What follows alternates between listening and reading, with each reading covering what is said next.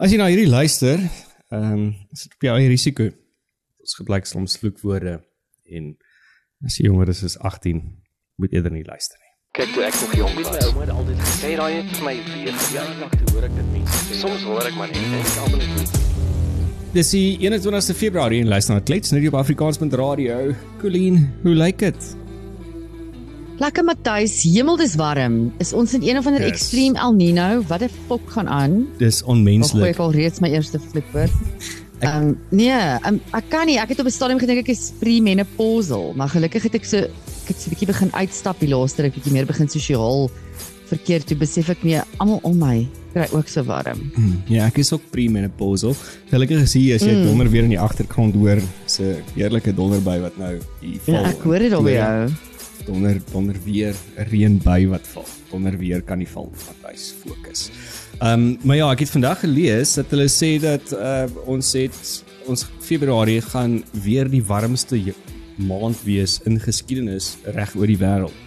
En hulle praat op die stadium van dat die aarde is met 2 grade per jaar verwarm. So binnekort Wow. gaan ons almal kook. Ja, ek wil net koud kry, Matthys. Jy weet ek beplan ons na hierdie trip Noorwe toe. Ja. Nou het ek nou so begin die, die temperature monitor op die weather apps in die Mm. in die dorpies en so dat ek nou gaan wees. En ehm um, ja, almal het vir my gesê ek moet voorberei vir minus temperature en ek was ongelooflik opgewonde daaroor want ek wil regtig net soos koud kry. Ek wil ek gaan vir jou foto's sien met ek wat in die sneeu lê met my bikini. Dis hoe koud ek nou wil kry. Ja. En nou het ek hierdie extreme sneeugear gaan koop wat wat kuiter vir soos minus 450 grade. en nou nou monitor ek hierdie temperature en nou nou wil dit lyk vir my asof dit neig nou nie meer onder onder 0 grade Celsius nie. Ek I think I might have over purchased on temperature um panser hier. Dis ook Maar, jou maar ons sal sien. Dis net jou luck want as ek dit nou sou gedoen het, sou ek nie so mooi beplan het soos jy nie. Dan sou ek gedink het, nee, ek gaan 5 wees my K-way. En dan kom ek daar en dan sit minus 40. So dis dis my luck Ja. gewoonlik. Nee, nee, ek moet sê die die ehm um, gemeenskaplike oorgrootse advies wat ek gekry het is 'n K-way gaan nie daar werk nie. Geen K-way ding gaan vir jou daar help nie. Nee, ek kan dink. Kan dink K-way gaan nie daar help nie. So Colleen, dis natuurlik 'n baie belangrike dag vandag in die Suid-Afrikaanse kalender. Dit is die begrotingsrede van ons minister Mm. van finansies. Money, money, sê money. Hoe Must dinge gaan funny. gebeur. Ja, ek het nogal gedink sy sy sy naam Enoch. Nee, dis 'n bietjie soos Enoch. ja, maar as jy nou sê Enoch, dan sit en Ja. nog tax vir jou en nog tax vir jou en nog tax vir jou. Nice. En nog jou. Nice, Matthys. Ek So kry vir Enoch jammer man. Ek dink dit was was dit Piet wat laasweek gesê het iemand moet 'n standbeeld vir die man oprig. Ja. And Ja, hy's dis hy's one of the last good ones there. He's actually Ja. trying something and I ja, hy, hy strike my net as 'n as 'n goeie siel. En probeer maar sy beste. Maar ja, hoe stel jy 'n budget op as jy nie geld het nie? Ja, so kom ons kyk maar wat sê hy. Ons het gister ook gaan inloer by die valuta strateeg Andrei Silje van Treasury One waar hy vir ons sy opinie gegee het oor wat dink hy die minister van finansies gaan doen. Hoe hy dit verduidelik het, uh, was vir my nogal insiggewend. 'n Paar dinge wat hy vir my gesê het wat ek twee keer oor gedink het of moes gedink het. Maar ons sal later 'n bietjie daarby kom. Wat gebeur nog in die nuus? Ja, Matthys, jy praat van geldjies. Mm. Ehm um, so ek het gewonder hoe hoeveel spandeer jy 'n maand op kos, kruideniersware?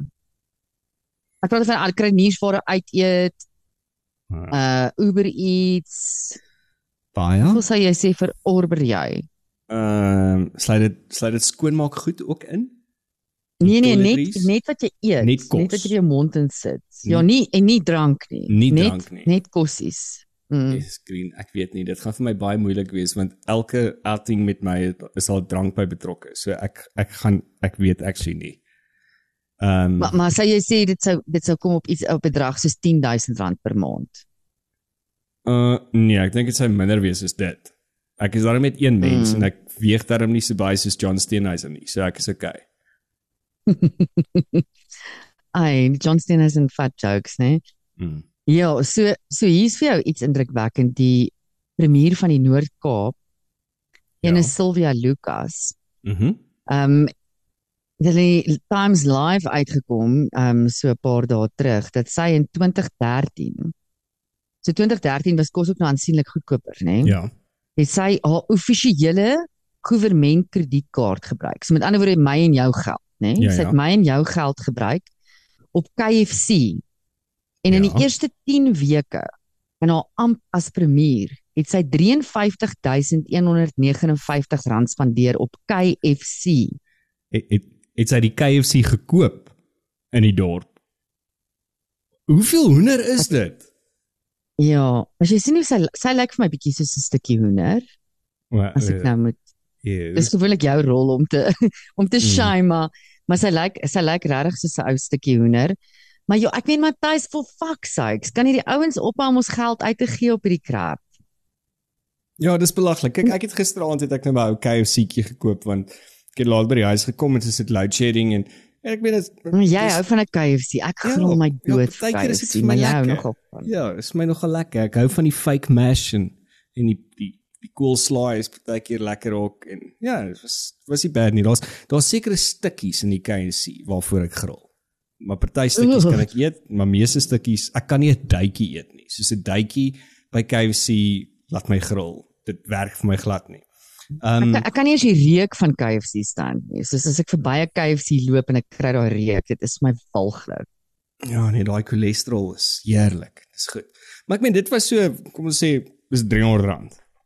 So jy moet julle paar streetwises koop vir daai hoeveelheid geld.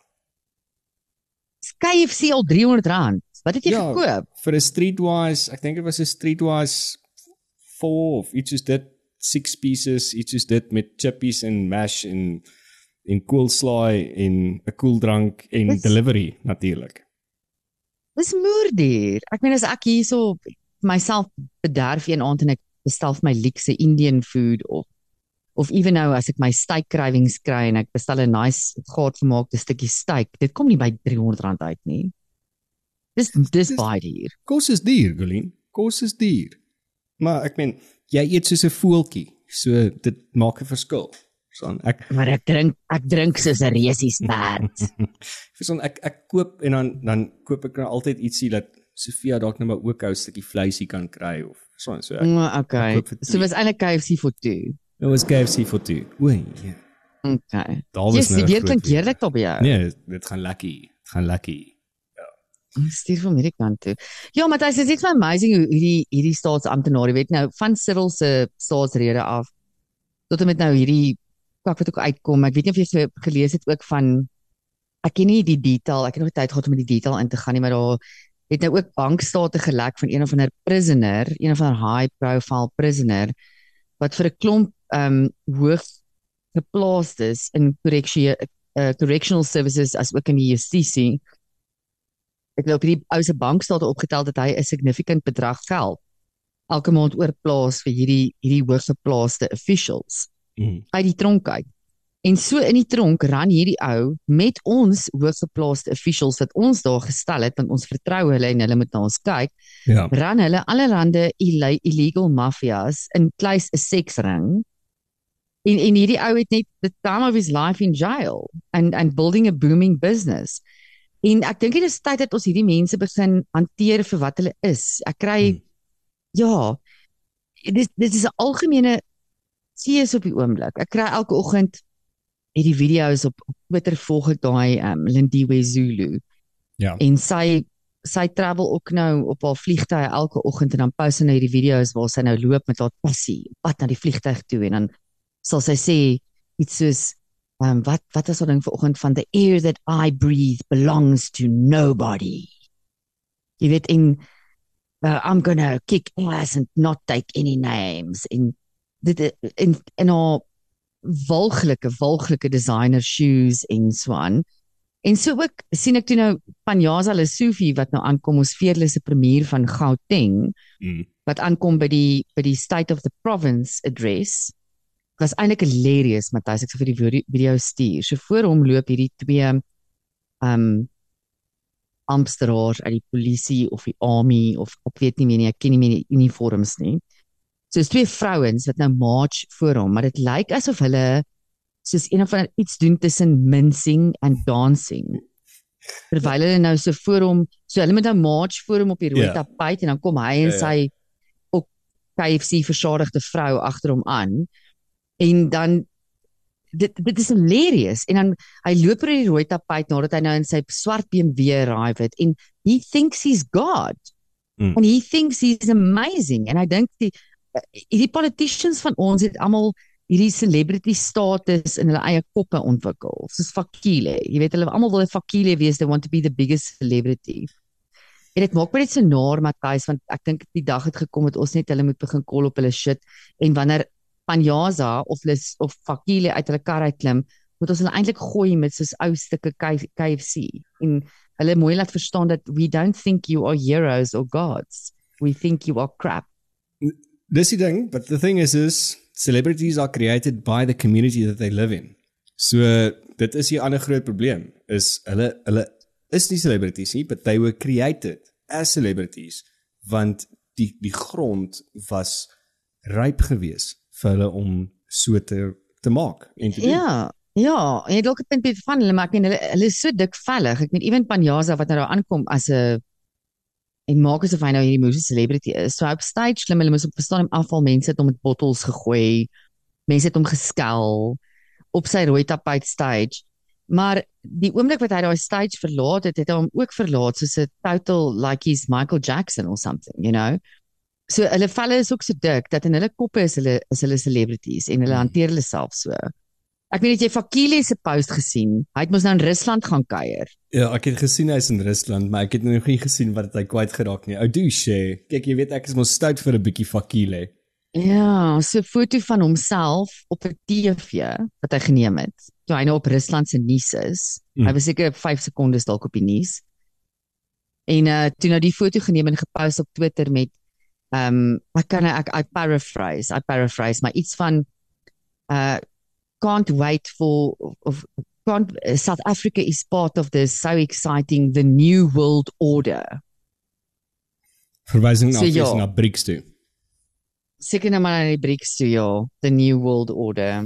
Ou fakile. Ag, shampies. Mm. Hy is 'n hy's 'n interessante seun. Hoorie, maar ek dink kom ons gaan kon loergeers gou in by Andrei. Ehm um, want natuurlik die groot groot nuus op die stadium op almal se lippe is wat gaan wat gaan ons minister van finansies doen. So so ek vroeër Enoch. gesê het, ons het uh, ingeloer by Andrei Silje, 'n uh, valuta strateeg van Treasury One. Andrei, dis die vooraand van die begrotingsrede vir 2024 en ons staan in 'n jaar wat hulle sê 10 teen een van die belangrikste verkiesings is naas 1994 se verkiesing. En die minister van finansies se hand is amper of eintlik is dit heeltemal agter sy rug vasgebind en Cyril Ramaphosa gooi net nog goeders na sy kant toe. Wat dink jy gaan ons minister van finansies môre kwytraak? Ja, Matthys, dis 'n treksvy die man het ek gister gesê het 'n klomp vure wat onder hom aangesteek is en daar's mense wat nog vir hom soos jy dit reg opmerk van Cyril se kant af sommer nog vure aansteek. Jy het nie geld en nou moet jy 'n begroting gaan opstel uh te midde van hierdie wanbesteding het nie geld nie staatsentiteite wat uh in rep en roer is omdat hulle nie dienste kan lewer nie met massiewe skuldlaste. Ehm um, en so die minister moet nou hoore hier hierdie goedjies probeer aanspreek. Hmm. So kom ons begin so half bo uh meneer Ramaphosa het gesê hulle gaan die toelaag nou 'n meer permanente ding doen. So hy moet nou eerstens daarna gaan kyk uh en dit is 'n probleem. Hy het eintlik in die medium termyn begroting tydens dit het hy gesê dit gaan nie weer verleng word nie. Hmm. So hy het Ja. eintlik wat nou Cyril Ramaphosa gesê ons gaan dit langer maak en ons gaan dit permanent maak. Hmm. So hy moet nou 'n gat, hy moet daai gat wat nou vir hom geskep is, moet hy gaan vul. Uh benewens En alle daai daai gat raak net groter want al hoe meer mense gaan nou op daai toelaag klim. So dit is nou ja, alle mense klim op daai toelaag. Maar ek dink nie die dis per se sleg dat daar 'n toelaag is nie. Goed. Hmm. Ons het 'n groot armoedeprobleem in die land. Uh dit moet aandag kry. Uh en op 'n manier moet jy vir daai mense 'n geldjie in die hand sit sodat hulle ten minste uh, iets kan koop. Nou moet mense daarom onthou as jy nou 'n R100 gaan byvoeg, en jy sê ek gee jou 'n R100 meer per maand, dis nie geld wat hy op 'n spaarrekening sit nie. Hy gaan dit spandeer. Mm. Uh hy gaan dit spandeer. Ja, daar sekere basiese kosse waarop hy dit gaan spandeer wat vrygestel is van uh toegevoeg belasting op toegevoegde waarde. Maar jy kan daarin so 10% van dit wat hy verhoog kan jy gaan sê gaan hy terugkry in die spandering deurdat sy belasting op toegevoegde waarde meer gaan wees. Uh Mm. dis dis 'n interessante een maar onthou nou Mm. selfs met salarisverhogings wat jy gee kry hy weer geld terug op belasting ook. So as hy vir die staatsdiens verhogings gee, dan kry die staatsamptenaar meer maar hy betaal meer belasting. So hy gee 7%, maar hy kry weer iets terug. Maar dit klink amper vir my Andreus soos daai wanneer ek die een kredietkaart gebruik om die ander kredietkaart af te betaal. So is dit steeds maar die dieselfde geld wat hulle in die stelsel hou. Ek meen hoe volhoubaar is dit? dis nie heeltemal volhoubaar nie en jy maar maar al wat ek probeer sê is dat die netto van wat hy die bruto wat hy gee is meer as die netto wat eintlik uit. Ja. So mense moet hoor dit jou. net altyd in ag neem. Dit dit geld vir salarisverhogings, dit geld vir als.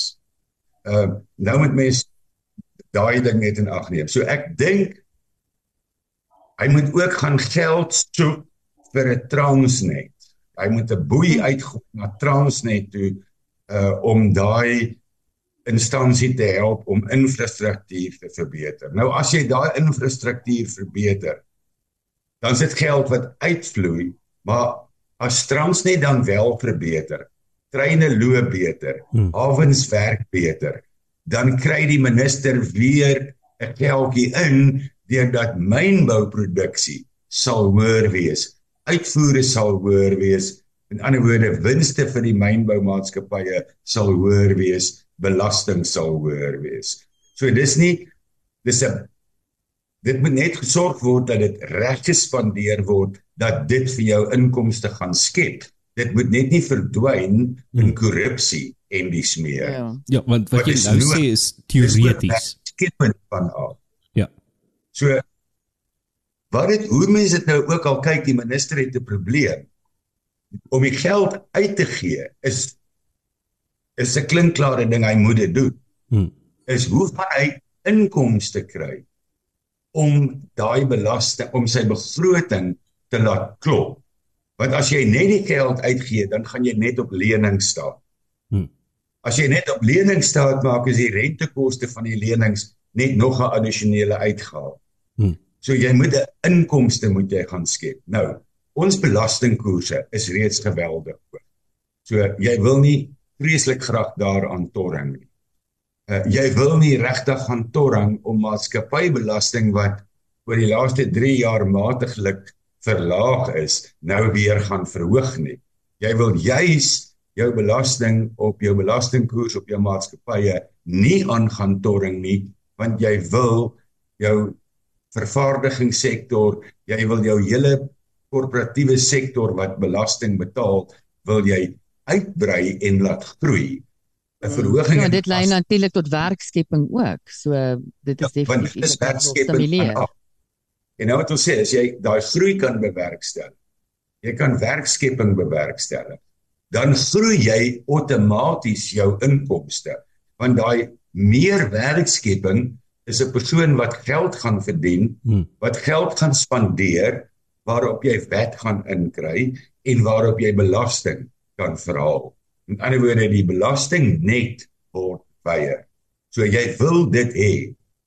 So, op die inkomste kant gaan hy nou moet kyk hoe kry hy daai geld. Nou weet ons daar's nou al die laaste paar maande gesprekke rondom die goud en buitelandse valuta reserves Yes. van die Suid-Afrikaanse Reserwebank. En die ongerealiseerde wins daarop wat 'n enorme bedrag is. Dis so 450 uh, miljard rand. Dis baie geld. Sure. Nou wetgewing sê dat enige ongerealiseerde winste is die eiendom van die nasionale tesourie. Dis nie nuwe wetgewing nie, dis stokou wetgewing. En enige ongerealiseerde verliese is die probleem van die Suid-Afrikaanse Reserwebank. Hmm. Met ander woorde, hierdie geld is wettiglik die tesourier se geld. En is daar nou gepraat oor hoe om dit te ontgin om daai geld beskikbaar te stel vir die tesourier? Dis nie so maklik om dit beskikbaar te stel nie want 'n ongerealiseerde wins op onderliggende bates soos goud en buitelandse valuta moet jy nou van jou goud en buitelandse valuta eintlik gaan verkoop om dit te gelde te maak om daai ongerealiseerde wins in die bank te sit. So dis 'n ingewikkelde manier uh wat gebruik moet word om daai geld beskikbaar te stel. Maar ek dink daar gaan daarna gekyk word. Ek dink daar's 'n goeie kans, ek sou reken daar's 'n 50% kans dat ten minste 'n gedeelte van dit vir die minister beskikbaar gestel gaan word. 'n Tweede een waar ek dink geld beskikbaar gestel geword gaan word is elke jaar jy het jou belastingtabelle 0 tot soveel duisend kry betaal daai persentasie en so verhoog dit totdat jy uiteindelik by die 45% maksimum koers kom. Ek dink daar's 'n baie goeie kans dat daai blokkruiping wat ons na verwys nie gaan plaasvind. En dat hy daai dat hy besmoontlik aan die onderkant 'n bietjie verligting gaan gee, maar baie min verligting aan die bokant. So jy gaan 'n bietjie meer belasting betaal omdat daar blokkruiping gaan wees. En en daai blokkruiping geld daar kry. as ek dit reg het, dit is daai 150 per annum bo en 150 onder. Is dit basies waarvan ek praat? So daai vlak waar jy glad nie belasting betaal nie en dit is mos nou interessant.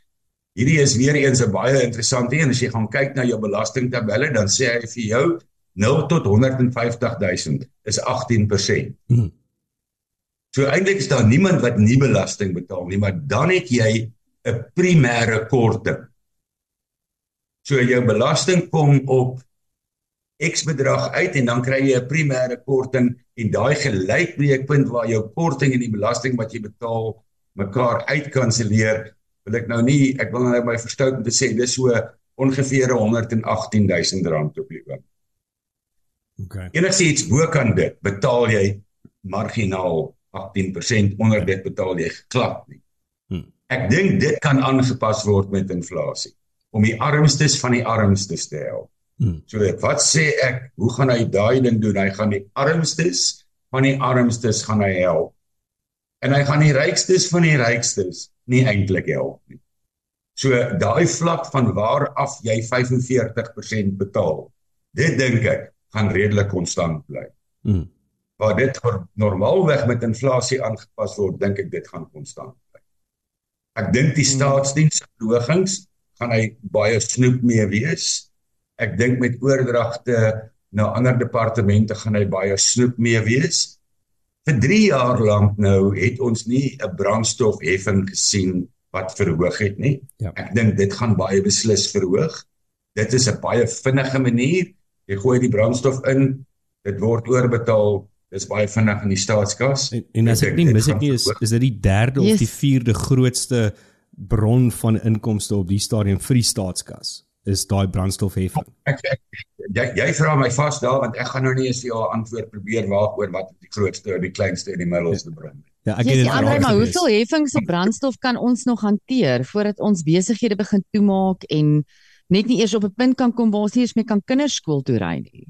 Ek meen ons ons brandstof is al reeds ehm um, onbekostigbaar as ek so kan sê. So ons voel dat ons brandstof onbekostigbaar is en ons maak graag vergelykings met baie ander wêreldlande.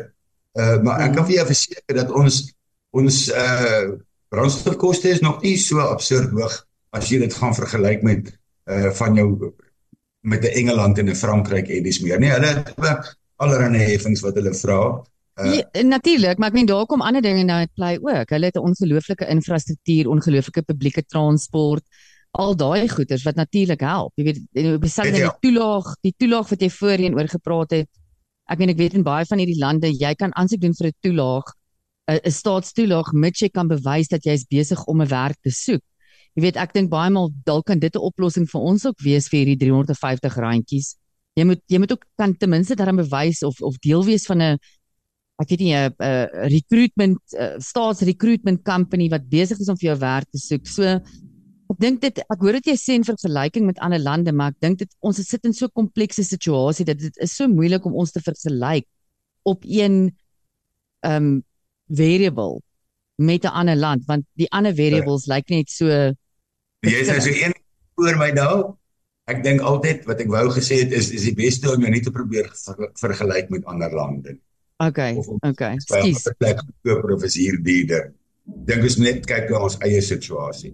En dan het jy klaar aangeraak dat ons eie situasie is van so 'n aard dat ons ongelukkig nie 'n keuse het nie. Ons moet van ons motors gebruik maak. Ons moet brandstof kry. So dit maak dit vir ons 'n bietjie moeiliker, maar nou gaan ek terug onthou ek sê hy moet geld gaan spandeer op Transnet. Hmm. Hy moet geld gaan spandeer op Trans op Yes. Praas. Treine aan die gang kry. Hy moet busse aan die gang. Die toela het een van ons oppositiepartye nou al in hulle verkiesingsmanifest gesê, kom ons noem dit 'n werksoekerstoela. Ja. Ja. Mm. Ek dink dis waartoe ons moet beweeg. Uh dat ek jou inspireer om te gaan werk soek. En en is baie interessant dat hier in die Kaap het ek nou gisterand gehoor, gisterand of eergisterand dat hulle nou uh vir mense wat uh 'n bus moet gebruik om by 'n werksonderhoud te kom. Kan hy 12 gratis buskaartjies kry. Mm. En hoe werk hierdie 12 gratis buskaartjies? Daar waar hy aansoek doen vir werk. As hy by maatskappy X aansoek doen vir werk, dan moet maatskappy X wat hom nooi vir die onderhoud Hmm. registreer sodat hy 12 gratis buskaartjies kan kry Okay. of dat hy 'n gratis buskaartjie kan kry. Mm. En dan word die persoon in kennis gestel dat jy kan nou jou buskaartjie gaan afhaal. So daar's 'n daar's 'n kontrole dat hy kan nie sommer net 12 gratis buskaartjies kry nie. Hmm. Hy's die werk die werknemer nooi hom Ja. vir onderhoud en reël vir hom 'n buskaart. Ja. So- Dan Hierdie begin doen. Soos jy nou te reg met ek deel van 'n forum wees iets dat hy daai toelaag kan kry. Maar Ja. okay, dis nou dis nou uitgebrei en weg by die begroting. Kom ons gaan terug na ons begroting toe. So ek dink die minister het 'n paar goed waar hy kan ekstra geld gaan kry.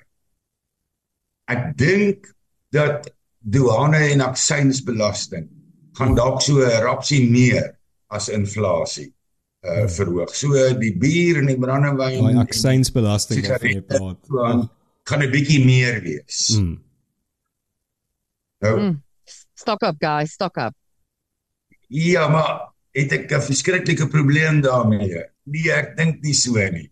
Dis 'n absolute leksheid, okay? Ja. Dis 'n absolute leksheid. Dit jy het nie nodig om drank te koop om te oorleef. Here Andre, Ek gee liewer iemand- Hoor die ander, jy ken nie my situasie nie hoor. Ek gee liewer vir iemand 'n appel weg sonder belasting as dat ek vir hom 'n bottel brandewyn laat koop met min belasting. Hmm. Ek, ek dis dis Mm. net my ek is in daai kamp van kom ons kyk na luxe goed. Mm. Daar is 'n moontlikheid, maar ek dink nie die minister sal in 'n verkiesingsjaar soontoe gaan nie. Uh dat hy moontlik kan kyk om dalk 'n half persent of so by te sit by die belasting op toegevoegde waarde, Hmm. maar dit gaan verkiesingsgewys 'n baie onpopulêre stap wees. Ja, absoluut. En jy kan dit net doen as jy die as jy 'n groot uitbreiding en ek dink dit vat te veel tyd. Ek dink nie hy het nou die tyd gehad daarvoor. En en ek dink maatskappye moet ook reg wees vir dit. Hmm. As jy sou gaan en jy sê ek brei hierdie lys van produkte wat vrygestel is, hierdie kosprodukte wat vrygestel is van belasting op toegevoegde waarde.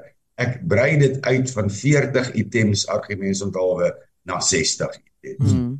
Want jy kan nie daar die armstes van die armste uh gaan benadeel nie. Jy moet dit vir hulle makliker maak. En so nou kan jy al sien, ek sê drank hoër belastings, sigarette hoër belastings. Ek voel die luukse goed kan maar 'n hoër belasting aantrek. Mm. Wat Ek hou nie daarvan nie, maar ek stem met jou saam. Ek hou nie van dit nie. Ek hou ook nie daarvan nie. Maar dit Maar kan maar gebeur. Ek moet nou 'n bietjie meer belasting moet betaal op my motor of 'n bietjie meer belasting betaal op my uh dier Sun Lounger wat ek daar by 'n groot mega maatskappy gaan koop om langs my swembad in te lê. Dan kan ek mos net maar 'n bietjie meer betaal dis 'n luukse. Hmm. So ek dink dis iets waarna die minister moet kyk. Maar- Ek dink daar's Hmm. nog iets waarna die minister Hmm. minister moet. En Hmm. dit is as jy 'n maatskappy is en jy neem iemand in diens om vir jou tee en koffie te maak en jou vertrekke en jou kantore skoon, dan sit 'n salaris wat jy op 'n aftrekking kry. En daar's 'n minimumloon wat jy moet betaal. Nou kom maak jy die minimumloon op my en jou wat net salaristrekkers is. Gee hy vir my ook 'n minimumloon as ek die werker in diens wil neem, dan moet ek 'n minimumloon betaal. Maar ek kan dit nie as 'n salaris terugeis en as 'n aftrekking terugeis van my belasting nie. En nou verloor baie mense hulle werke want mense kan hulle nie meer bekostig. Absoluut, ja. Kom aan meneer die minister, gee vir my ook dit as 'n aftrekking. Hmm. Sodat ek ook kan sê ek betaal my werker 4.500 rand, dit is die minimumloon, maar ek trek dit as 'n uitgawe af en daai 54000 rand verminder my inkomste sodat ek minder belasting betaal. Dan hou ek my werker in diens want ek kry daarmee 'n bietjie 'n incentive van die staat se kant af om dit te doen. Uh ons gaan dalk 'n paar meer mense kry wat dan eintlik huishulpe en dis meer In diens neem. Diens. Ja. Uh so ek Ja. dink daar's hy ook kan doen, maar dit gaan nie in hierdie begroting plaas. Hierdie begroting is 'n baie moeilike begroting en 'n baie groot balans wat hy moet gaan speel tussen die hulp aan staatsondernemings en die verhoging van belastinginkomste sonder om enige iemand te seer te maak. Mm. Wat ek baie versigtig voor moet wees, is om te veel geld te gaan leen. Wat hy baie versigtig voor moet wees, is om te groot tekort as persentasie van bruto binnelandse produk aan te kondig. Daai is Ek weet kritieke is ons nie al oor daai brug nie, Andre. How how how are we going to come back from that? Nee, ons is nie oor die brug. Nee, dink nie ons is oor die brug. Ons is op die rand van die afgrond. Om daai goed te gaan aanpas, gaan kredietgraderingsmaatskappye omdraai. Om onnodige besteding te gaan doen, gaan kredietgraderingsmaatskappye maatskappye omdraai. Om te veel geld vir staatsondernemings ge- te gee wat niks vir jou inbring nie, gaan kredietgraderingsagentskappe omkrap. Mm. En dit kan ons kredietgradering verder impakteer. En as dit ons kredietgradering verder impakteer, jaag dit die koste van ons skuld verder op. En dit maak vir ons dit al hoe moeiliker om enige tekorte te finansier. So daai kritieke ek verwys altyd daarna as 'n ou dink aan 'n pasiënt wat in intensive care lê, dat hierdie klomp masjiene gaan om hartklop en dis longe en dis allerlei goed, asemhalings, respirasie en wat gemeet word. Daai kritieke, daai vital statistics binne die ekonomie moet hy baie versigtig wees om dit nie te negatief te beïnvloed. Hmm. Dink ek hy gaan dit regkry. Wel hierdie is 'n interessante een. Ek dink as ons na ons wisselkoers kyk, as ons na alles kyk, dan dink ek 'n groot deel van die negativiteit is vir ons ingeprys. Die mense verwag eintlik geen lig aan die einde van die tonnel. Ek dink meneer Godangwana aan soos by vorige begrotings deur 'n baie fyn lyn op die uh trapezium en wat noem jy nou hierdie Ja, daai the thin rope ja, daai daai is ja. walk a very thin line. Maar ek dink hy gaan dit slaag. Ek dink nie hy gaan afval. En ek dink dit kan almal matiglik gelukkig hou. Van mense wees wat ongelukkig is wat bietjie voel hulle betaal bietjie meer, dan gaan mense wat wees wat voel hulle moes 'n bietjie meer gekry het. Ek dink hy gaan 'n hy gaan slaag daarin om ons 'n meer gebalanseerde prentjie te gee as wat ons op hierdie oomblik voordink. Ja, ek weet nie van matig gelukkig gaan nie, maar ek gaan dalk net baie van ons nie meer ongelukkig maak nie, want ek dink almal is op hierdie stadium erg ongelukkig. So moet ons net nie meer ongelukkig maak nie. Dan dink ek dit hy klaar is Okay, maar ek wil daarom nou bietjie meer tong as in 'n die 30% slaagsyfer behaal. Ek wil daarom nou tong in die kies sê was enige een van ons nog ooit gelukkig as ons oor belasting of oor begrotings praat van die staat omdat dit aan ons sak raak.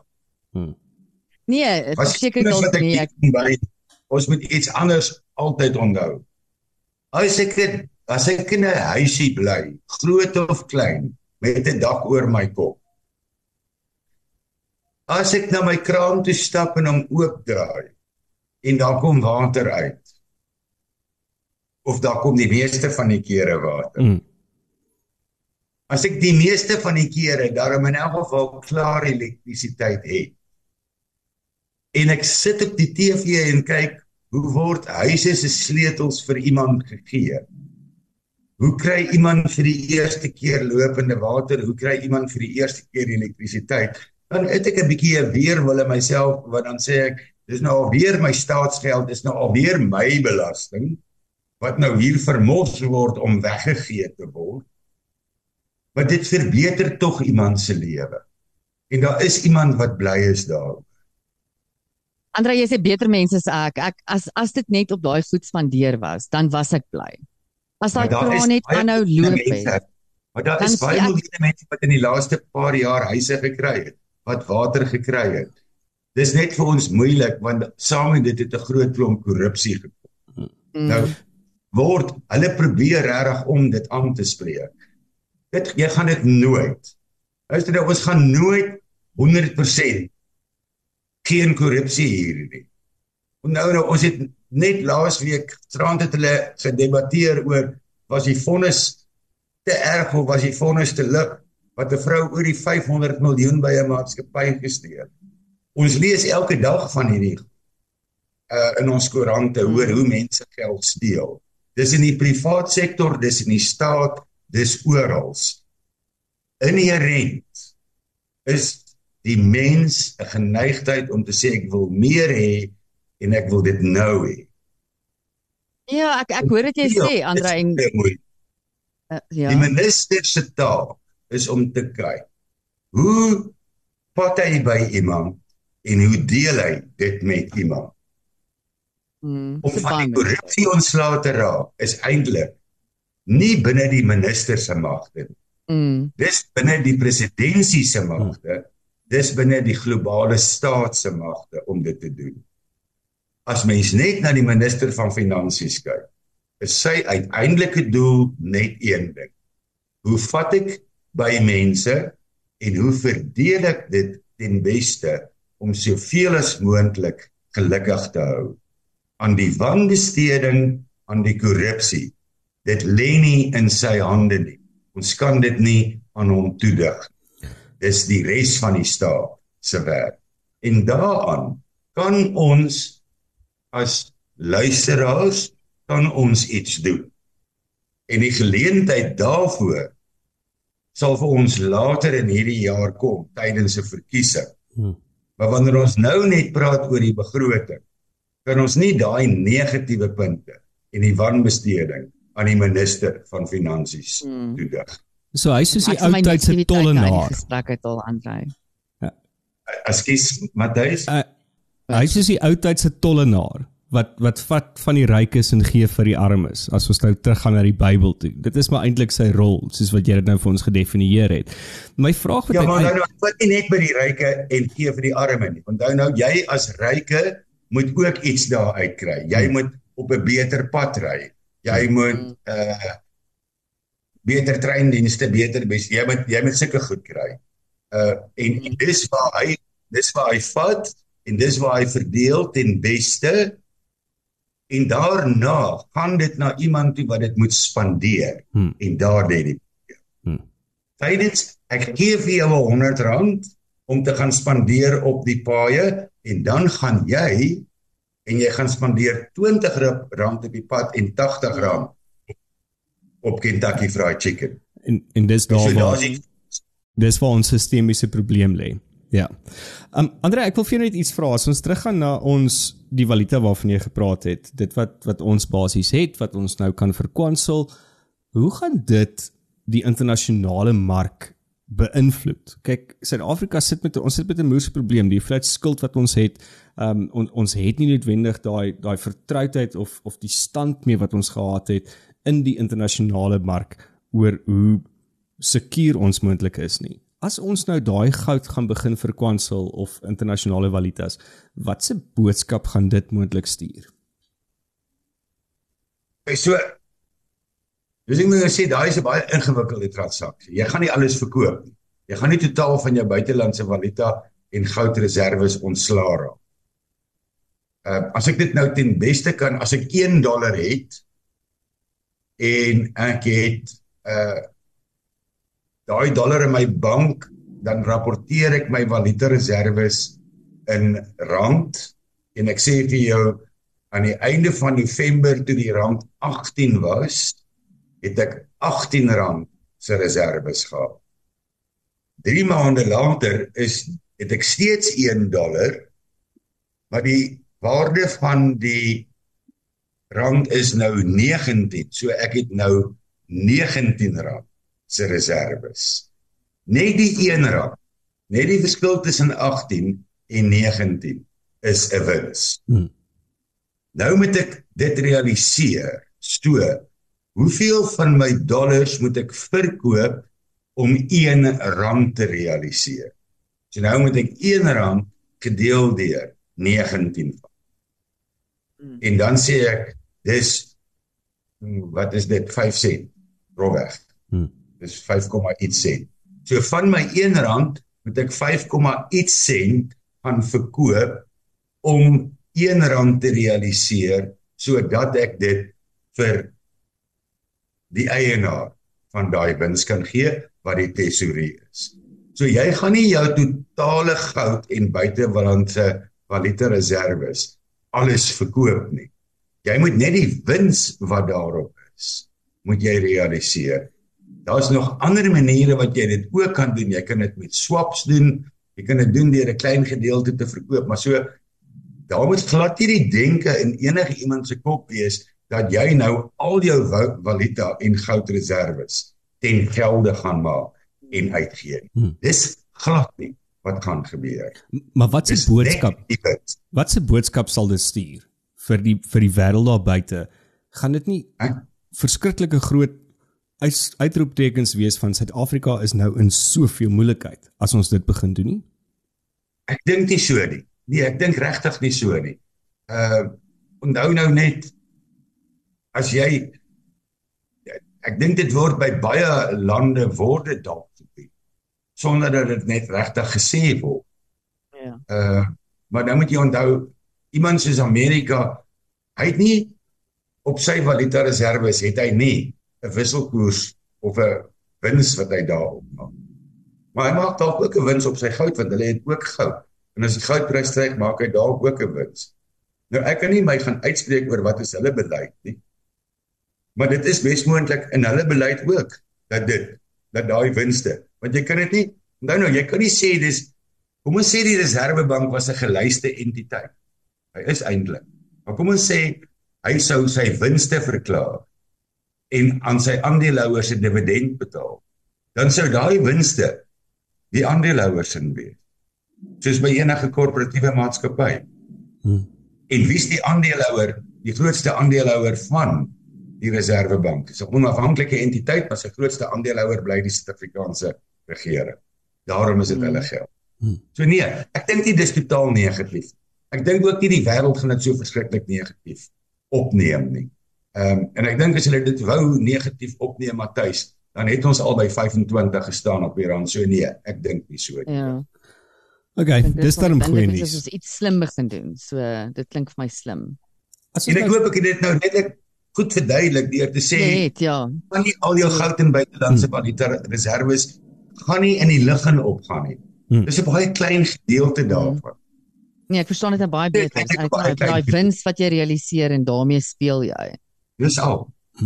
Ja, want Andre, ek, maybe 'n laaste vraag van my kant af. Ek sien Matthys het ook nog 'n vraag, maar maybe net een laaste vraag van my kant af. Die die nasionale gesondheids ehm um, skema ehm um, wat die president nou wil afteken het hy gesê nog voor die verkiesing. Hoeveel hoeveel aandag dink jy en en hoe gaan Enoch daarmee deel in sy begroting? Okay, ek dink nie hy gaan verskriklik daarmee deel nie. Ek dink net hy sê dit gaan dit gaan vir ons 'n werklikheid word. Hmm. Uh, maar as jy na die na nasionale vervolgingsgesag vervolgings bevoelend is vervolging daai. Ja, ja, wel as jy nou kyk na ons die sta, die staat van ons publieke ja. hospitale, dan voel dit dalk of jy by die nasionale vervolgingsgesag geland het. Is dit 'n baie groot infasering wat gaan plaasvind. En die eerste een is eintlik net die eerste ding wat daarin kom by die infasering is eintlik net eintlik meer die beplanning om dit in werking te stel. Hmm. Hmm. Met ander woorde, daar moet nog nie hierdie jaar hoegenaamd ekstra voorsiening gemaak word vir ekstra geld nie. En as daar ekstra geld moet wees, is dit 'n redelike klein bedrag. So ons gaan nog nie blootgestel word in die verandering wat daai wetgewing regtig vir ons gaan bring in hierdie jaar. Nee, Dit is iets wat oor 'n 5 of 'n 6 jaar periode ingefaseer gaan word waarop ek dink nie enige iemand geen mens het eintlik duidelikheid daaroor nie. En ek dink die infasering gaan daaroor dat die eerste fase van hierdie infasering is sodat ons duidelikheid kan kry oor hoe dit ingefaseer gaan word. Maar so dit gaan nog nie in hierdie jaar verskriklike geld van die van hom pad nie en so ek dink nie hy gaan verskriklik tyd daaraan spandeer. 'n laaste vraag van my af is jy sê ons is ons is op die ons kyk af vir die afgrond. Ons is nog nie op die afgrond nie, maar ons sien vir hom en dit kan moontlik 'n realiteit wees. Het ek jou reg verstaan dat ons is baie naby aan daai afgrond. Ons is baie naby aan die afgrond en ons is baie naby aan aan die verklaring van onkrotskap as ek dit so kan stel. So, so dan gebeur Ons is nou, nou daar waar ons nou vir eers in sake redding geplaas moet word. Hmm. Ja, ek dink dis wat ons begroting dan moet kyk. Almal te gelukkig te hou want ons kan nie bekostig om in insolventie of in bankrotskap in te gaan nie en ek gebruik nou uh lawwe terme maar ek ek probeer dit maklik maak vir almal om te verstaan. ja. Maar ons is eintlik daar waar ons so 'n bietjie in sake redding is en waar ons baie sterk moet rem trap op wat ons uitgee uh en baie fokus op wat ons inkry. So wanneer wanneer is dit 'n goeie plan vir die IMF om betrokke te raak? Dink jy ons is naby aan dit? Nee, ek dink nie ons is naby dit nie. Nee, ek dink nie so nie. Ek dink nie ons moet ook nog verdere lenings vat van hulle af nie want dan steek ons ons hand in die byenes in. Want op die stadium, as ek my somme vinnig reg gemaak het, betaal ons omtrent so 12.5 miljoen rand elke elke sekond af aan die skuld wat ons het. Ek het lank gevat om daai nulle agter daai biljoene in te sit. So so dit is die gevaar is dat ons moontlik nog skuld gaan kan vat. Okay, so ek gaan nou wil ek gaan nou vandag hier iets sê en dan ek wil sê jy weet daar's baie min regerings wat eintlik 'n skuld terugbetaal. Nee, Ja. baie min. Niemand betaal eintlik 'n skuld terug. So, wat hulle doen is jou ekonomie moet groei. Hou nou as my ekonomie al 100 groot is, hy's al 100 groot.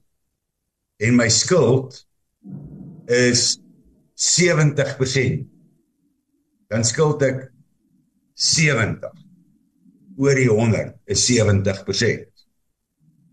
Dis hoog, dis skrikwekkend hoog. As ek my 70 konstant hou en ek groei my ekonomie met 5%, dan is my ekonomie volgende jaar 105. Die rente op my skuld wat ek betaal en my skuld is steeds 70. 70 gedeel deur 105 is nou nie meer 70, dis nou Hmm. 68, iets. As ek volgende jaar weer met 5% groei, dan dan is my ekonomie 111% en my skuld is steeds 70. Iewers kom jy by 'n punt wat sê jou skuldverhouding is net 50%. Jy's eintlik baie oukei. Mm. Geld dieselfde vir uh die verbandhouer van Standard Bank en jy het 'n jy het 'n lening by hulle. Jou huis is 'n miljoen rand, jy leen 'n 100%, jy skuld 'n 100 rand op jou 100 rand huis. Hmm. Jy betaal die rente af met 'n fraksie van kapitaal en volgende jaar is jou huis hopelik R105 werd en jou verband is R99.50. Nou het jy nie meer 100% verband nie. Mm. So jy baie betaal dan skuld, jy betaal fraksies van jou skuld terug. Baie min regerings betaal eintlik skuld terug. Hulle leen altyd wat hulle weer gebruik. Hulle leen wat hulle terugbetaal. Hulle maak staat op die BBP, Hm. die groei van die ekonomie, sodat die verhouding van skuld verklein. Wat sal jou raad wees as jy moet fluister in Enoch se oor vanaand voor sy staatsrede en jy jy moet vir hom raad gee om want wat ek hoor is is ons moet die ekonomie kickstart. Ons moet die ekonomie weer laat groei. Wat sal jy vir hom sê as raad om daai te bewerkstellig dat ons ekonomie weer aktief raak? Ek sou vir hom sê meneer Gonangwana, ek dink jy moet in jou begroting moet jy geld beskikbaar stel vir Transnet. Ek dink jy kan dit beskikbaar stel vir Eskom. Ek dink jy kan dit beskikbaar stel vir van die ander SOU's ook.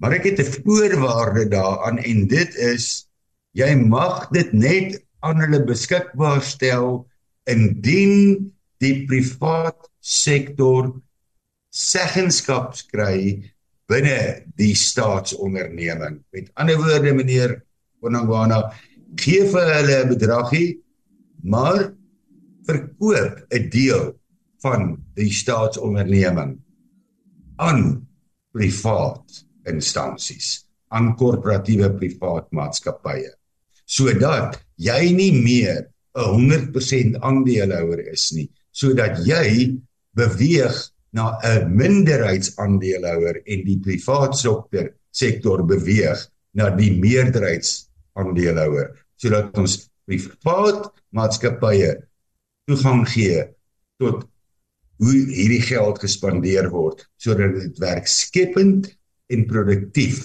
van aard is. Dis wat ek vir hom sou sê.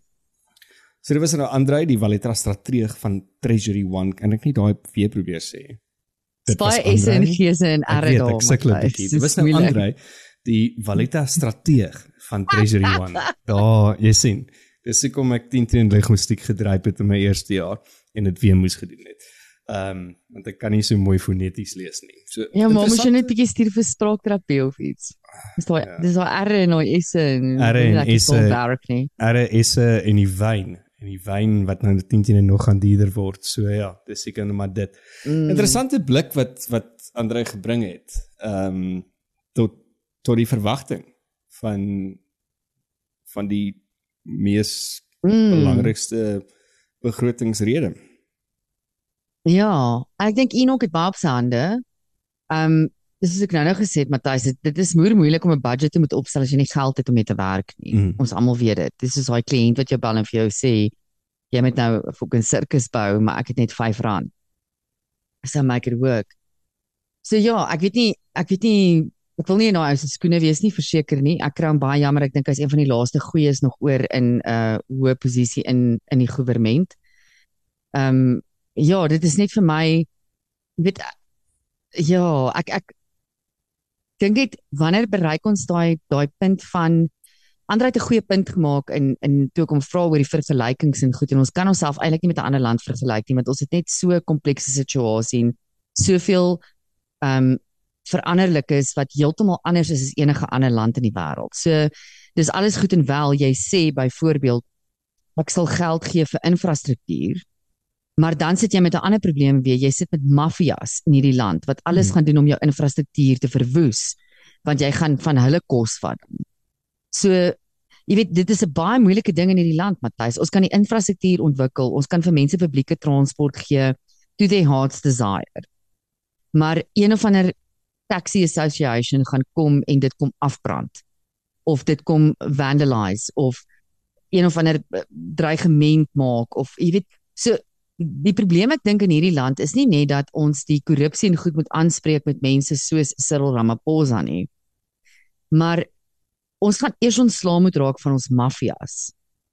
Die maffias in hierdie land en dit is dit is waar ek dink die die groot as ek as ek die minister enige advies kon gee, sou ek sê 'n groot fokus op hierdie stadium. Wel hy kan niks omtrent doen nie, maar as ek die regering advies, 'n groot fokus op hierdie stadium moet wees om hierdie hoë verlute, hierdie hoë level van misdaad, van georganiseerde misdaad, Hmm. moet ons van ons sla raak. Anders gaan ons niks. Ons gaan geld gooi in donker diep gate die hele tyd. Ons gaan niks kan verander in hierdie land nie. Ons gaan op niks kan bou nie tot ons nie van hierdie maffias selfs infrastruktuur Matthys, elektrisiteit. Hoekom sit ons vir ons sit met elektrisiteit? En een oomblik is ons op no load ledge load shedding, no dog sledging. Um kan sien waar van my kop vol is op die oomblik. No load shedding tot en met stage 6 ewe skielik vir 3 Ja. dae in 'n ry. Tot dit is hierdie goeie sabotasie. Die kragsituasie waarin jy gesit het ruk terug. Hmm. Waar dit word net reggemaak en dan word dit weer gesaboteer en dan sit jy weer 3 dae sonder krag. Ja. Ons moet van hierdie maffias ontslaa raak. Otherwise we are manier- not ons gaan nie 'n tree voor verder voor vorentoe gee nie. En die enigste manier wat ek op die stadium kan sê kyk, ek dink Andre het dit soort van gesê en en daar's geen ander manier nie. Ons is belastingbetalers, maak nie saak hoe jy daarna gaan kyk nie. Ons gaan moet meer betaal om 'n enorme skaat, staatsskuld te delg en ook die staatskoffers vol te hou Mm. om al hierdie goeie te doen. Ek hoor wat hy sê van ons mm. ons moet die spoornet weer laat werk. Ons moet Eskom weer laat werk om die aan, ekonomie aan die gang te hou. Maar wie dit doen is die belangrikste ding. En die enigste manier hoe ons dit kan doen is as jy vandag anders te dink oor jou stem en te sê dat ek stem met my belastinggeld teen korrupsie, teen dit, mm. teen dat. As ons begin so daaroor dink om te sê dat ek stem vir die geld wat ek moet betaal, want ek moet daai geld betaal. Ons geen manier hoe jy kan wegkom om by 'n winkel in te stap en jy trek die 15% VAT af as die Coke soveel kos of jy kan dit nie doen nie. As jy 'n besigheid het, kan jy nie wegkom om VAT te betaal, oor te betaal of of inkomstebelasting. As jy 'n employee is of employer is, jy moet die PA, dis statutêre betalings. Ons kan niks daaromtrent doen nie. Maar ons kan wel besluit of ons wil aanhou soos wat dit nou gebeur en of nie. So ek dink as mense begin dink dat ek stem met my geld, gaan ons dalk anders te begin dink hieroor. Dit gaan nie oor die persoon wie daar sit nie of wie ek van hou of die gesiggie of die kleur nie. Dit gaan oor waar gaan ek my Nee, ek wil geld ek wil weet wat doen hulle? Ek wil weet wat doen hulle met my geld? En of dit vir my werk en en as hulle dit doen en hulle gee dit vir arme mense in die hospitale werk actually as hulle my geld in hospitale indruk in die hospitale werk actually en help my mense then I'm happy. Maar dis ook al 'n ekstra geldjies. Jy weet ek die naweek is ek by 'n verjaarsdagpartytjie. Iemand vertel my 'n storie van ehm um, een of ander familielid van hulle wat gevang is vir roekelose bestuur.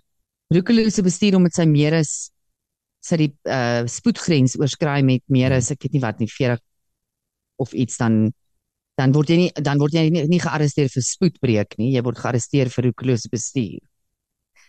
So sy het nou die saak en hulle het haar uit op bail. Hulle moes nou bribe money betaal om haar uit te kry op bail ook, besides die bail money. Maar net daai daai naweek nou uit die tronk uit te hou. En die saak sloer en sloer en sloer en eventually kry hulle toe nou datum en hulle moet toe nou by een of ander ek dink dit was die Randburg Magistrate Court moet hulle toe nou opdaag die oggend. En hulle gaan sit toe nou al daar van 6uur af want hulle het nie tyd. Hulle is nie in kennis gestel van enige tyd wat hulle saak ehm um, voorkom mm. of enige so iets nie. Is net 'n datum en jy moet nou by die magistrate court wees. Jy sit maar daar. En so ja, hulle in die parking lot. Jy kan ook nie eens ingaan nie. Jy sit apparently in die parking lot. Die ou vertel my eventually hier by 12:00. Jy weet hulle sit nou al van 6:00 af, nee, by 12:00 hier kom 'n ou uit met 'n met 'n klipbord. En gaan nou so by almal af en sê nee, maar um, ek kan nie vir jou sê hoe laat is jy op die rol nie. Jy gaan eers vir my ietsie moet gee voordat ek vir jou gaan sê hoe laat is jy op die rol. Hmm.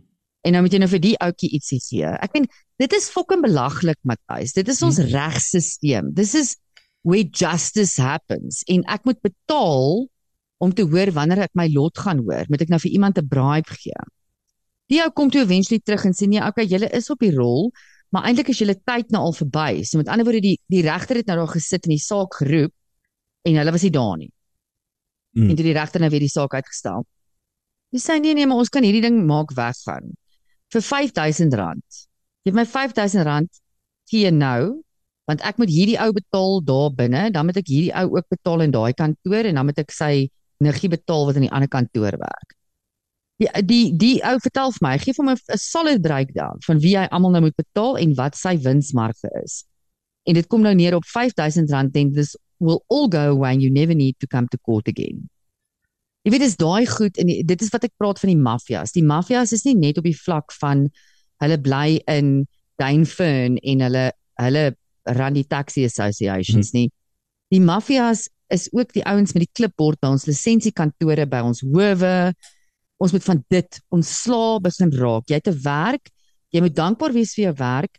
Jy het daai werk gevat want jy gaan 'n sekere salaris verdien en jy moet 'n sekere bydrae lewer tot hierdie land.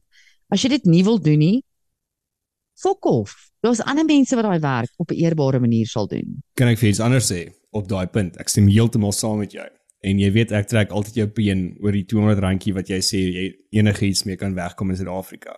Maar ons as Suid-Afrikaners hmm. moet ook ophou om daai 200 randjie of daai bail of daai ekstra te betaal. Because what are you doing? Dis besig om vir jou kind wat 'n drug addict is, gee nog 'n bietjie geld om dit môre weer te doen. So korrupsie het twee kante, die persoon wat korrup is, maar ook die persoon wat hulle enable om korrup te wees. So dit is 'n dis 'n groter organisme wat ons na moet kyk. Want ek hoor wat jy sê in daai situasie, wat doen jy nou? Jy sê gee ter hierdie geld, maar eintlik enable jy daai persoon om dit net weer te doen en weer te doen. Dis my opinie. Matthys, die probleem is op hierdie stadium sit ons in 'n stelsel waar ons eventually daai geldjie gaan moet gee. So ewenal weier ek daai geldjie vandag tot my eie detriment en dan moet ek 'n aand in die tronk gaan slaap of even worse 'n week in die tronk gaan slaap en dan kom ek daar uit en dan moet ek nou 3 jaar wag vir my saak om op te kom en daai 3 jaar kan ek nêrens heen travel nie. Hmm. Ek kan geen nuwe werk kry nie. Ek kan ek is gefok om net 3 jaar later by die magistraatshof aan te kom om te sê vir vir iemand met 'n klipbord om vir my te sê jy het jou tyd in die hof gemis. En as jy nou weer tyd wil hê, moet jy my moet jy my nou eventually gaan ek dit moet betaal. So ek hoor wat jy sê, maar hoe uitvoerbaar is dit? Hoe dis alles goed en wel ons sê nou vir almal ek hou op om die om die 200 randjie te betaal. Gaan dit my lewe beter maak? Nee, dit gaan nie. Dit gaan nie. Ek moet ek moet jy verstaan wat ek sê. So I hear what you're saying in an ideal world if ja. en en dit is moontlik. Kyk wat ons reg kry met e-taal. Toe ons almal ordentlik gerebelleer het teen e-taal, toe kry ons e-taal geskraap. Hoopelik jou saak nou beloof en sê eergister ja. hy gaan dit nou skrap. Weer. Maar ehm um, it needs to start somewhere. Maar maar maar korrupsie is so sistemies ja. van van van ons nie net ons land nie, maar van ons gemeenskap. Is korrupsie so sistemies? Ek meen wat van jare van. Wat sê om jou teorie nou verder te vat en Matthys ek beklei nie met jou oor jou teorie mm. nie, glad nie. Ek dink is amazing, but it's not going to work here. Maybe in Scandinavia, it's not going to work mm. here. Wat sê ek nou vir Johanna? Wat cinema cinema Transnet kry hulle geld en hulle kry die infrastruktuur en Johanna kan nou van Davidton af treine vat, baie meer baie veiliger, baie vinniger tot by my huis kom en volwys om my huis elke donderdag te kom skoonmaak. Nou brand hulle die treine af of hulle dreig vir Johanna en hulle sê vir haar as jy daai trein klim gaan ek jou gaan ek jou doodmaak. Hm. Nou bel Johanna my nou sê sy ek kan nie kom werk nie want hulle forceer my om 'n taxi te vat en ek ek rebelleer en ek wil nie die 200 rand betaal nie. Ek wil nie sukam tot die maffias nie. So ek gaan nou nie kom werk nie. Teen die derde donderdag gaan ek vir Johanna sê wel ek gaan jou dan nie meer betaal nie. Hm? Jy weet so jy verstaan wat ek sê. Nee, ek, dit dit is 'n baie mooi idee, maar hoe die volk voer ons dit uit in hierdie absolute kakofonie van chaos? Dis 'n dis 'n groot sistemiese probleem en ek het nie die antwoorde nie, maar ek dink ook net sover as moontlik moet ons nie goeders enable nie. Ehm um, en dan praat ek nie netwendig dalk en ek wil nou nie my my eie teorie in die voet skiet nie. Dan praat ek nie dalk nou net van die 10 rand of die 20 rand of die 200 rand nie. Ek praat van die miljoene en miljoene wat betaal word deur groot entiteite, besighede om om met moord weg te kom. Ek dink dit is actually die ding wat die my die meeste erg in dit. So gepraat van dit ook en ons praat nou ook oor die staatsrede is Joseph Abramji het het ehm um, onlangs gesê dat ehm, 'n um, groot ding waaroor hy baie bekommerd is en dit ekskuus dit maak vir my baie baie sin is oor hierdie ehm um, tax obviously op op drank en en sigarette. Ehm um, en waar hy actually bewyse gelewer het en stats gewys het van hoe hoe dit eintlik die ongereguleerde maffia weer terug na dit toe gaan begin enforce. As drank en sigarette nog duurder word, gaan mense mense gaan nie Mm. ophou rook nie. Hulle gaan nie ophou drink nie. Hulle gaan ander maniere kry om daai te kry. So so dit is 'n moeë Matthys, balans. ek weet nog steeds van mense wat nog steeds hulle COVID dealers het. Dit Ja, is ja. daai dealers wat ons in COVID toe hulle alles van ons al weggevat het en ons in elk geval ons eie pad gevind het. Mense, ek weet nog steeds van ek weet van mense wat nog steeds daai dealers gebruik om drank en sigarette by te koop. So dis Yes. in elk geval ook geld wat nie deur die fiskus gaan nie. So so dit is daai goeters, daar's moves so baie van daai goeters en en ek dink dis dis heeltemal waar. Die ander ding wat wat ek aan gedink het ook is, is byvoorbeeld ehm um, wat wat Andre ook gesê het en wat natuurlik 'n maklike verhoging gaan wees is die die brandstoflevy. Maar die kettingreaksie van dit natuurlik is ook dat alles gaan duurder word. Kos gaan duurder word. Ehm Mm. um, enigiets gaan duurder word. So so ons is in 'n Jou 'n generator, om jou generator aan te Ja. hou en load shedding gaan duurder Ja, word. daar waar my krag nou net afgegaan het en ek nie 'n generator het nie. Ek sien jy sit nou skielik daar in 'n Ja, donker nou kantoor. Sy man, jou So grot. hulle praat van van lang COVID. Ehm um, en veral goeters wat dit die meeste geaffekteer het, uh, is is byvoorbeeld in in werkskepping. So die nuwe statistiek wat uitkom is Suid-Afrika het nou 182000 minder huiswerkers as voor die COVID-19 pandemie. Mm.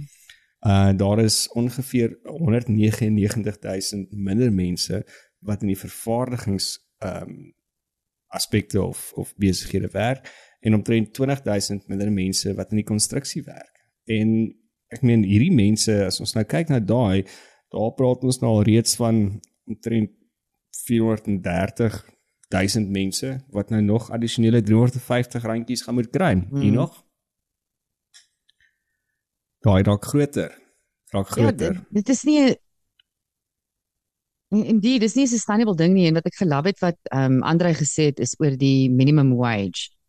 En ek weet Canton Pillay wat 'n uh, gereeld op die Burning platform is, dit is een van hy het 'n boek ook nou geskryf oor how to save South Africa how to fix South Africa of something. Ek het ruk terug ook oor die boek gepraat, maar een van sy een van sy maniere om Suid-Afrika te fix is om ontslae te raak van die minimum wage. En dit maak vir my soveel sin. Want byvoorbeeld as ek Canton se voorbeeld kan gebruik, nou het jy iemand wat in 'n uh, township bly en hulle kry 'n werk as 'n huiswerker. Maar hulle het 'n kind en daai kind moet nou na gekyk word tussen 9 en 4 in die dag moet die kind na gekyk word. Maar hulle het nie die geld om daai kind na 'n kleuterskool toe te vat of so nie, maar af in die straat is daar 'n goggo of 'n ander vrou of wat sê, "Maar ek sal na jou kind kyk vir R100 'n dag." Sal ek Hmm. na jou kind kyk. Nou, technically, volgens wet mag sy nie daai vrou haar kind aan daai vrou toe vat nie want dit is below minimum wage. Technically baie van die huiswerkers wat ons employ mag ons nie employ nie want ons Mhm. betaal hulle below minimum wage. So dit discourage employment totaal en al die minimum wage. Hoekom wil jy sê net maar daai vrou wat nou daai om terug te gaan na my voorbeeld toe, daai vrou wat daai kind oppas, sy pas miskien gedurende 'n week uh vier ander kinders ook op en dit bring vir haar maybe maybe R1000 'n week in. Nou wil jy met hierdie wet daai R1000 van haar af wegvat. En dan forceer om nie daai R1000 te kan verdien op 'n eerbare manier nie. Sy kan maar eerder aansoek doen vir R350 randjies. Ek dink dit is die, een van die grootste gunste wat ons onsself kan doen is as ons ontslaa raak van hierdie minimum wage wet. Jy kan ander wette in plek kry, ek weet daar's uitbuiting en allerlei ander goed wat dan ook gaan gebeur. Enige cause and effect, enige iets het 'n effek op Hmm. iets anders dan. Maar jy kan ander wetgewing inbring om dit te verhoed. Maar moenie die R1000 van die vrou in Khayelitsha of Diepsloot maar wegvat wat sy op 'n eerbare manier kan verdien nie. My ding is is vat die 350 rand weg en gebruik dit en kanaliseer dit sodat ons ekonomie kan groei. Mense kan werk toe vat. Mense Mm. in die ekonomie inkry. 350 rand, al sit hy 100 rand by vandag en is 450 rand, is nie genoeg om 'n individu ekonomies aktief te maak nie. Ons gaan moet baie ander planne kry. En kom ons hoop, maar weer eens wat ek vroeër gesê het is maak daai kop skuif dalk. Moenie dink jy stem vir vir dit of teen dit nie. Stem met jou belastinggeld en en kyk hoe mm. hoe gebruik dit dalk as jou true north. Dit is nog 'n ding wat ek die Mm. afgelope ruk aan gedink het. Hoe ek dalk hierdie hele situasie gaan evalueer. Colleen, wel ek sit nou hier in die donkerte. So dis nou nie meer vir my lekker nie want ek kan nie my myself sien nie en ek kan nie eers sien wat se knoppies ek nou volgende moet druk nie. So ek dink dit is nou die einde van klets, nê, want dankie Eskom. Ah, dis nou pity. Dis nou ja. Okay. Dankie Eskom. Dankie Eskom. So jy het geluister na klets. Dis die 21ste Februarie. Bietjie later is dit die staatsrede. So ehm um, geniet hom en onthou Nie die staatsrede nie, Ag, die- die sorry. budget. die speech. budget speech, ja, die begrotingsrede. Kan ons asseblief nie nog 'n fucking staatsrede hê? Ja, nee, nee. So en nog tax en nog tax en nog tax. Sien ons jou volgende week. Mm, Lekker bly. lekker.